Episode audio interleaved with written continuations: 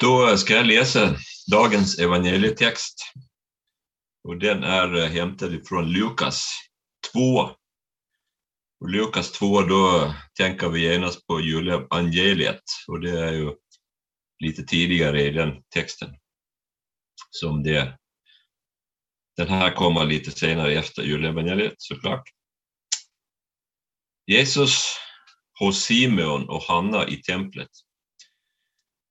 När tiden var inne för deras rening enligt Mose lag tog de honom till Jerusalem för att bära fram honom inför Herren. Det står nämligen i Herrens lag att varje förstfödd och av manskön skall helgas åt Herren. Och för att offra två turturduvor eller två unga duvor, så som det står föreskrivet i Herrens lag. I Jerusalem fanns en man vid namn Simeon som var rättfärdig och from och som väntade på Israels tröst.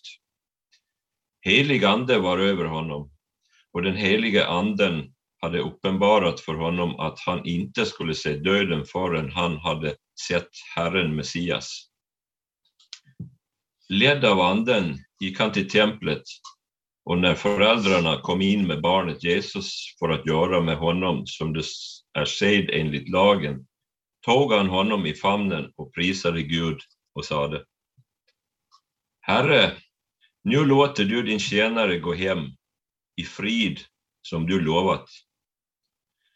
Ty mina ögon har skådat frälsningen som du har berättat åt alla folk.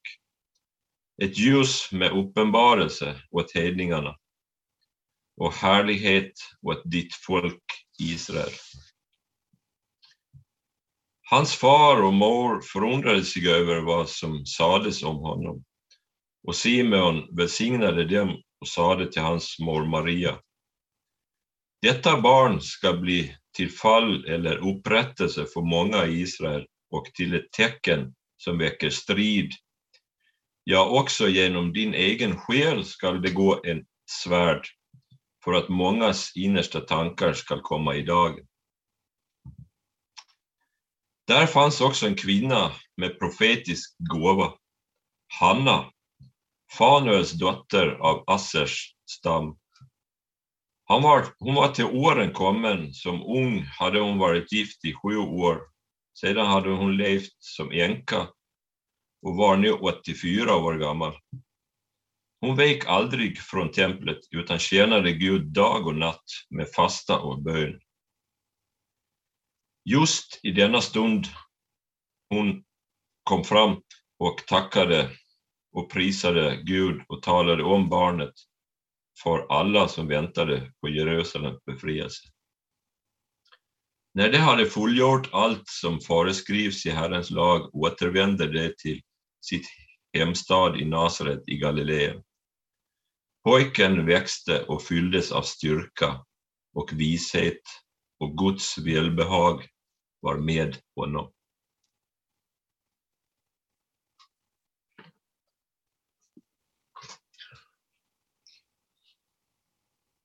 Dagens eh, text handlar om väntan, om eh, längtan, föräldrars oro, Guds trofasthet och uppfyllda löften och om att se med Andens hjälp.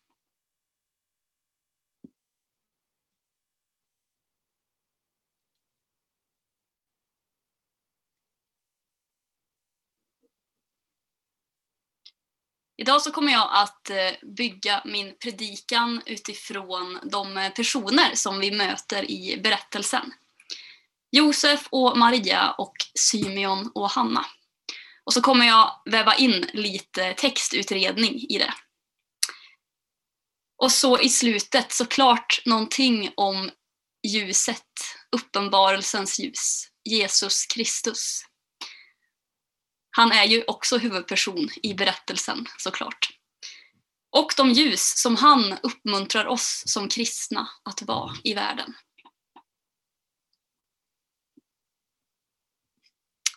Vi ber. Jesus, tack för att du har kommit till världen Tack för att du är ett evigt ljus. Jag ber att du ska tala till oss, var och en, den här gudstjänsten. Möt oss med det vi behöver. Och tack för ditt ord. Amen. Kanske såg det ut så här när Maria och Josef gick upp till templet. De hade ju gjort en minst sagt eh, omvälvande resa. Mött änglar och herdar och få, eh, hade fått ta emot Guds barn. Men de höll händelserna, den här skatten, hemlig. Som det står, Maria tog allt, hjärta, det, allt detta till sitt hjärta och begrundade det.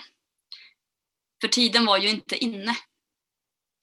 Och som de fromma judar de var så följde de eh, seden, rening Eh, av Maria och frambärandet av den förstfödde sonen till Herren enligt Mose lag. Och man bar fram det, först, det första av grödan, eh, det första djuret.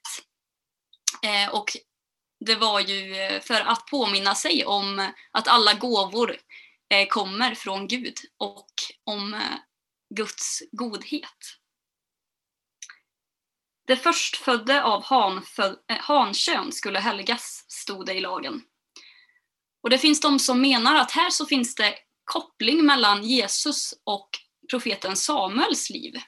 Samuel, ni vet, som levde i templet. Och kanske att eh, Jesus fick undervisning i templet från tidig ålder. Vilket skulle kunna vara anledning till att han i kapitlet efter det här redan som tolvåring visar stor kunskap när han dröjer kvar i templet för övrigt alla föräldrars mardröm kan jag tänka mig. Ett eh, försvunnet barn i en storstad. Och om man ska försöka sortera händelserna kring Jesu födelse i ordning så sker ju det här strax efter omskärelsen som det står om i verserna tidigare. Och troligtvis så hade inte de vise männen kommit än med sina dyrbara gåvor. Eh, ibland tänker vi ju liksom eh, krubban där med att herdarna kom och sen så kom eh, vise männen. Men det gick ganska lång tid innan de vise männen kom. Och de två ungduvorna som offras åt Herren visar ju på att Maria och Josef var fattiga. Förstahandsalternativet var ju att man skulle offra ett eh, årsgammalt lamm. Och hade man inte råd med det, då fick man ta två duvor. En snickares eller timmermans lön räckte kanske inte så långt. Hur upplevde Josef och Maria besöket i templet? Den hemlighet som de burit på var, blev nu uppenbar. Vilken lättnad att få dela det här med några. Att några fromma, tjänande människor såg det här och bekräftade. Inte bara med ögonen. Men som föräldrar så, som fick ta emot det här budskapet så gav det nog också en rejäl klump i magen. Genom din egen själ ska det gå ett svärd. Kanske hade de anat, men nu blir det uppenbart att deras son, det han ska förmedla till folket, till världen, det skulle väcka strid och splittring. Och samtidigt så fanns det ju såklart en stor förundran och förväntan inför vad som skulle ske med Jesus när han växte upp.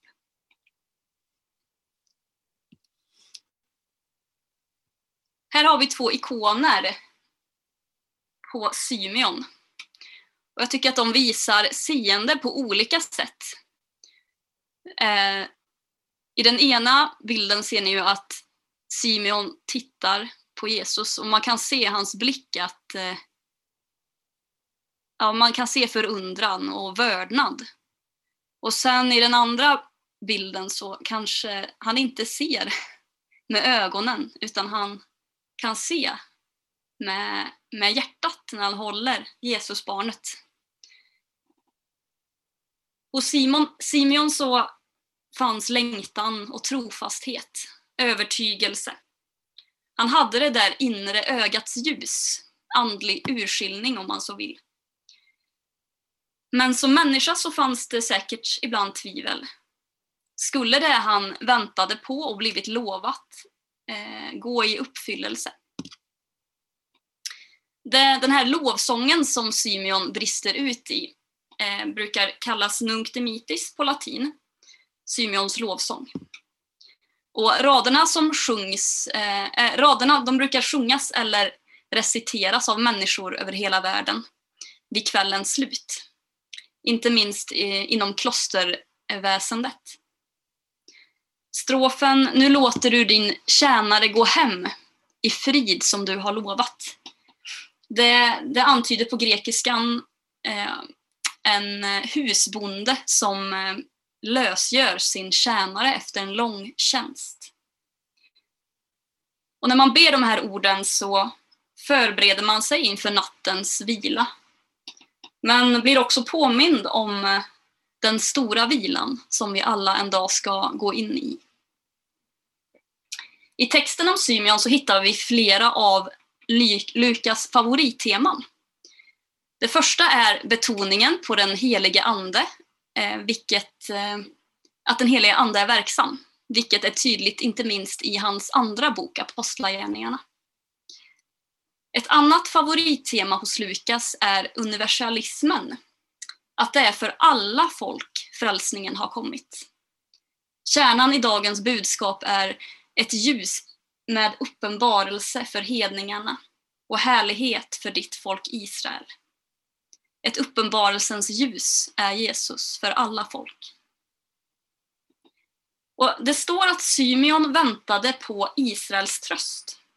Och det här går att eh, koppla ihop till Jesaja 40, där det bland annat står att Herren ska trösta sitt folk, att han ska bana en ny väg i ödemarken och att folket de ska få se sin Gud. Och det är det här som Simeon eh, längtar efter. Det står också att han för sin jord i bet som en herde och han samlar lammen i sina armar och bär dem i sin famn. Symeon får nu själv bära den guden i sin famn. Gud har nu börjat uppfylla de löften som folket har väntat på. Messias är här, men inte bara för det utvalda folket, utan för alla. Hanna. Och det här är en målning av Rembrandt, om jag inte har fel.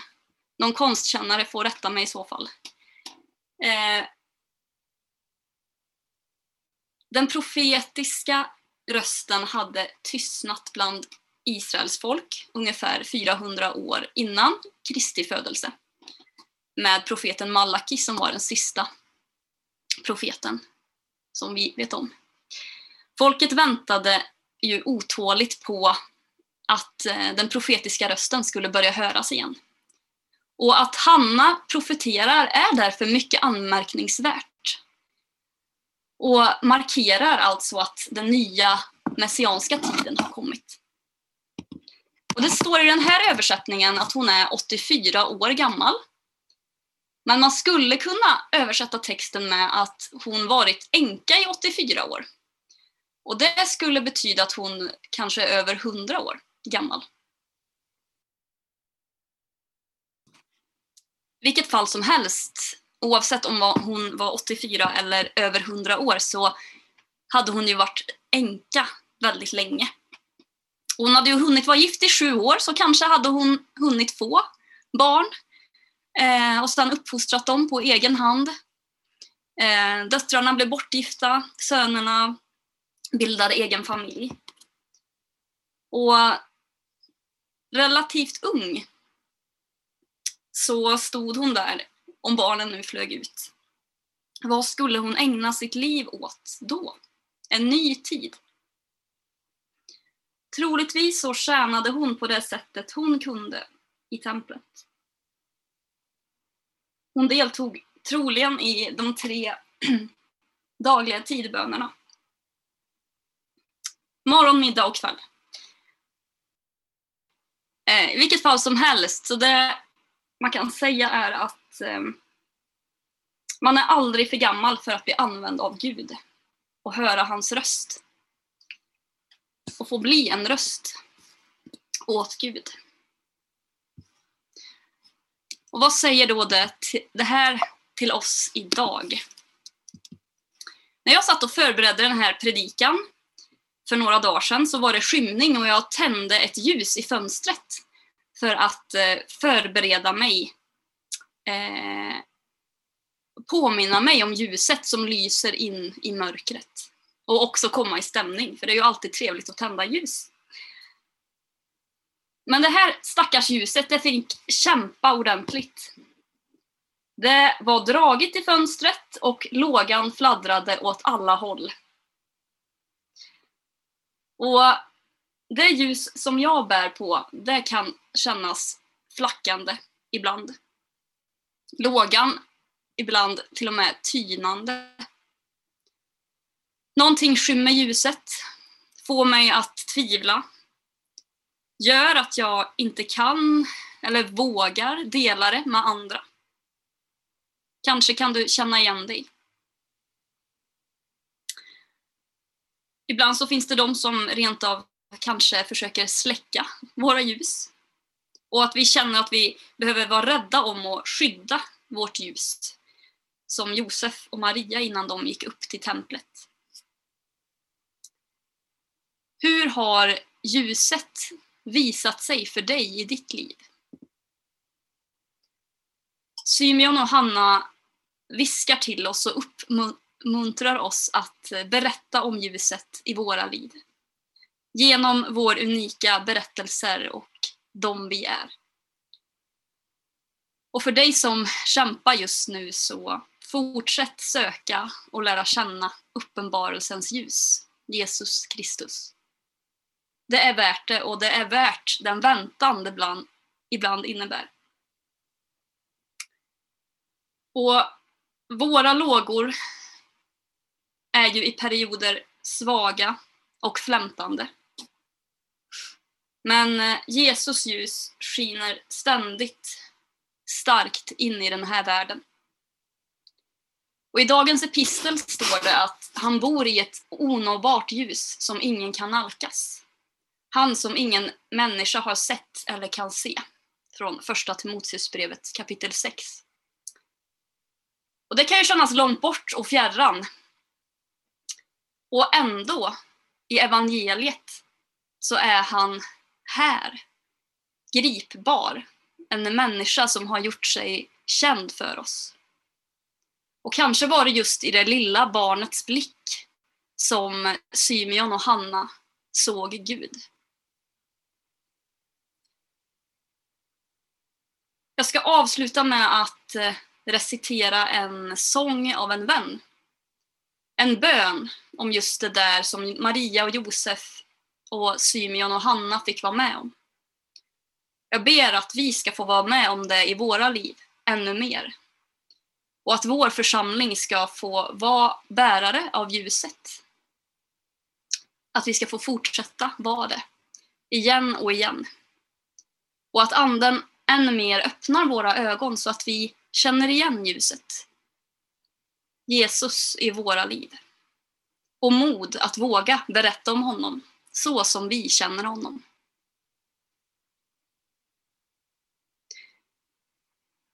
Må ditt hjärta tala och visa att jag är här. Må ditt öra höra och bana väg för mig. För jag har tänt ditt inre ögas ljus. Jag har öppnat hjärtat ditt med en himmelsk kyss. Nu kan du se med hjärtat och höra att jag är när. Jag som är osynlig, nu synlig för dig är. Amen.